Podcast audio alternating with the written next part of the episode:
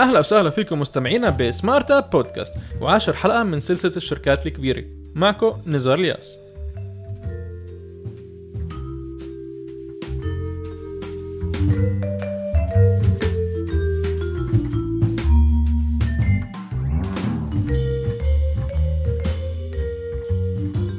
بهديك الحلقة حكينا شوي عن الطرق المختلفة لتقييم أسعار الشراك واستعمالات كل واحد فيهن. بتمنى تكونوا استفدتوا من الحلقة. طبعا إذا عندكم أي سؤال اكتبوا لنا بال comments على الفيسبوك والإنستغرام وراح نرد عليكم بأسرع وقت. هاي الحلقة هي الحلقة الأخيرة من سلسلة الشرك الكبيرة. بحب أذكركم إنه لما تسمعوا هالحلقة رح يكون صار في 10 حلقات من سلسلة startups من تقديم أبو شريك مروان بنصحكم تسمعوهن.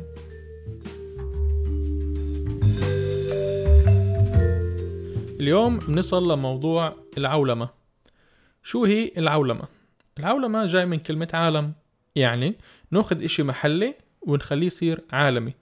لما نحكي عن العولمة بنطاق الشرك بيكون المقصود إنه الشركة تطلع من البيئة اللي أنشأت فيها وتفوت على بيئة تانية اللي ممكن تكون مختلفة عنها كليا. بس على الرغم من هيك كتير شرك من اللي بنشوفها حوالينا هي شرك عالمية اللي موجودة بأغلب دول العالم إذا مش كلها. يعني شكله العولمة إشي مهم اللي موجود كمحطة بطريق كل شركة كبيرة. تعالوا نحكي عن أربع أسباب اللي بتحفز الشركة على العولمة. بنبلش بالسببين الرئيسيين العرض والطلب.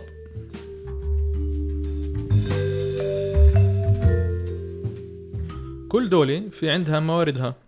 الموارد ممكن تكون مواد خام تكنولوجيا عمال الموهوبين عمال المستعدين يشتغلوا بتكلفة صغيرة وغيرها من أشياء اللي ممكن تعطي دولة معينة قوة بالسوق.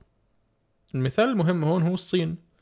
في سبب لكتير شرك هدفها تتوسع للصين وتصنع هناك. تكلفة العمال كتير كتير قليلة وبهيك الشرك بتطمع بقوة عاملة كبيرة بسعر كتير كتير قليل.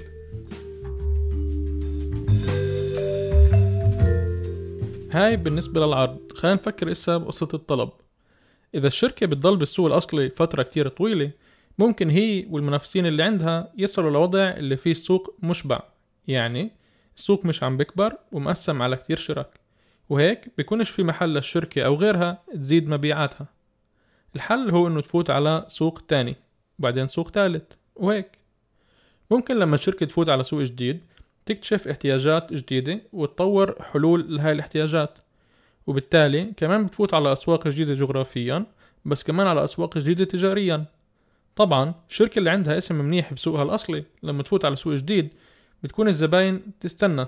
وهاي شغلة الشرك الكبيرة بتستغلها كتير.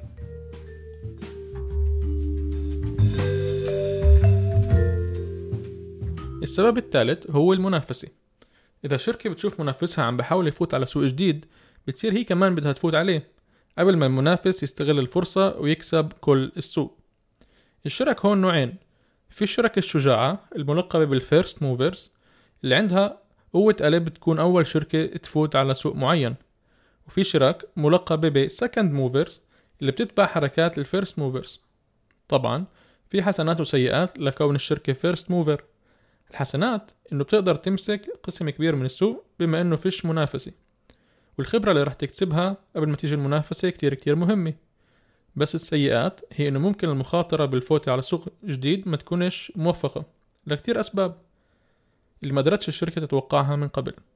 وبالتالي ال second mover بيكون عنده تجربة يتعلم منها قبل ما يعمل خطواته.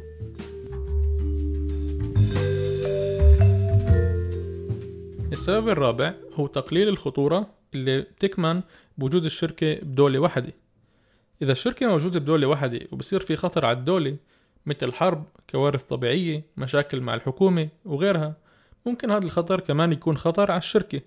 بما أنه السوق اللي بتعتمد عليه هو سوق واحد اللي بيعتمد على اقتصاد دولة واحدة وبالتالي كل ما تكون الشركة معتمدة على أسواق بدول مختلفة بتقلل الخطر اللي ممكن يصير عليها بهيك حالة.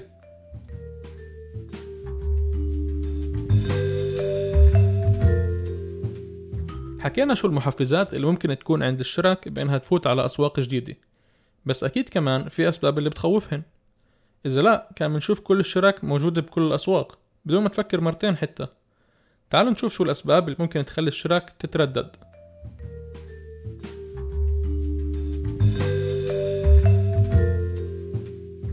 أولا كتير شرك لما بدها تفوت على سوق بدولة جديدة بتتلقى معارضة من الحكومة. لأنه كل دولة معنية إنه الشرك المحلية تنجح أكثر وبالتالي اقتصاد الدولة يتحسن. هون بالضبط منشوف الحرب التجارية بين الصين وأمريكا. اللي فيها كل دولة بتمنع شرك من الدولة التانية تفوت على سوقها. مرات بتكون العدوانية حتى من الشعب نفسه مش من الحكومة. وبهيك الشركة ممكن تستصعب تبني السوق.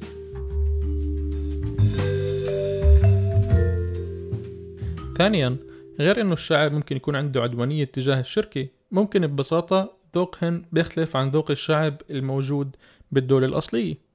بالتالي ممكن ما يكونش طلب على منتجات الشركة بنفس الكمية. هاي النقطة ممكن تحاول الشركة تتغلب عليها بأنها تعمل بحث قبل ما تفوت على سوق جديد وتحاول تتوقع إذا راح يكون في طلب على منتجاتها.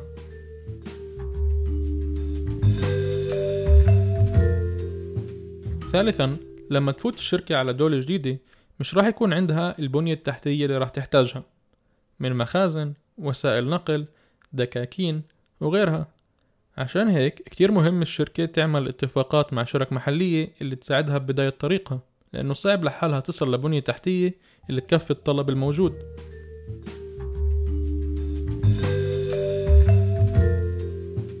رابعا كل الاتفاقات مع هاي الشركة المحلية وبناء البنية التحتية ونقل عمال مع خبرة على الدولة الجديدة كتير كتير بكلف. يعني الشركة لازم تعمل حساباتها منيح قبل ما تعمل هيك مخاطرة. لأنه بحالة ما نجحتش بتكون ضيعت كتير مصاري بدون ما تستفيد ولا أي إشي بالمقابل.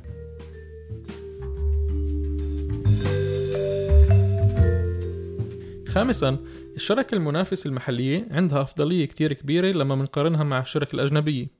بما إنه هي فاهمة كل شي من قوانين الدولة للحضارة المحلية لذوق السوق وعندها بنية تحتية حاضرة وخبرة كبيرة بالسوق. وكتير حالات كمان عندها دعم من الحكومة وكمان من الشعب. وبالتالي شركة أجنبية اللي بدها تفوت على سوق محلي بدها تستثمر كتير مصاري وكتير طاقة. كتير أكتر من شركة محلية.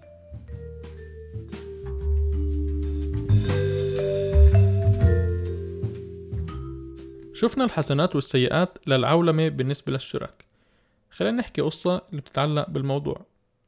القصة هي قصة كوكا كولا وبيبسي. كوكا كولا وبيبسي كانوا بالأساس مركزين على السوق المحلي الأمريكي لفترة كتير كتير طويلة. بس بعدين وصلوا لمرحلة اللي فيها السوق تبع المشروبات الغازية بطل يكبر. حتى بالعكس مع كل الدراسات عن أضرار المشروبات الغازية شوي شوي صار يصغر السوق وبالتالي أرباح كوكا كولا وبيبسي كمان صارت تصغر. فالشركتين صاروا يفكروا كيف بدهن يكملوا والشركتين راحوا على اتجاهات مختلفة. استراتيجية كوكا كولا كانت وبعدها لليوم هي العولمة. بدل ما تركز بس على السوق الأمريكي صارت تركز على كثير أسواق أجنبية وعملت اسم لإلها بكل العالم. اسم من أكثر الماركات المعروفة عالميا. استراتيجية بيبسي هي إنه تتوسع لمنتجات ثانية واشترت كتير شركة صغيرة اللي بتعمل مشروبات مختلفة وحتى شرك مثل شركة ليز اللي بتعملش مشروبات. حاولت توسع ملف منتجاتها ليصير يشمل كتير كتير منتجات. شو النتيجة؟ اسم كوكا كولا ومشروباتها معروفين عالميا. بس بيبسي بطلت شركة مشروبات. صارت شركة اللي بتبيع منتجات كتيرة بكل الأسواق. نجحت إنها تصير شركة كتير أكبر من كوكا كولا على الرغم من إنه اسم كوكا كولا معروف أكثر عالميا. اللي بدي أوصلكوا إياه إنه العولمة هي خطوة كتير مهمة لكل شركة اللي معنية تنجح أكتر وأكثر. بس لازم تكون خطوة مدروسة لأنه مش دايما هي الحل الأنسب.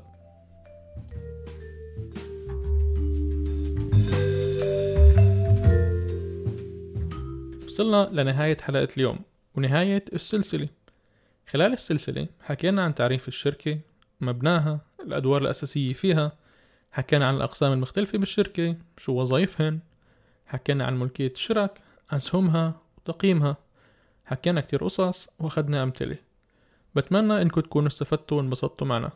أنا شخصيا كتير كتير انبسطت إني أحكي لكم عن هاي المواضيع.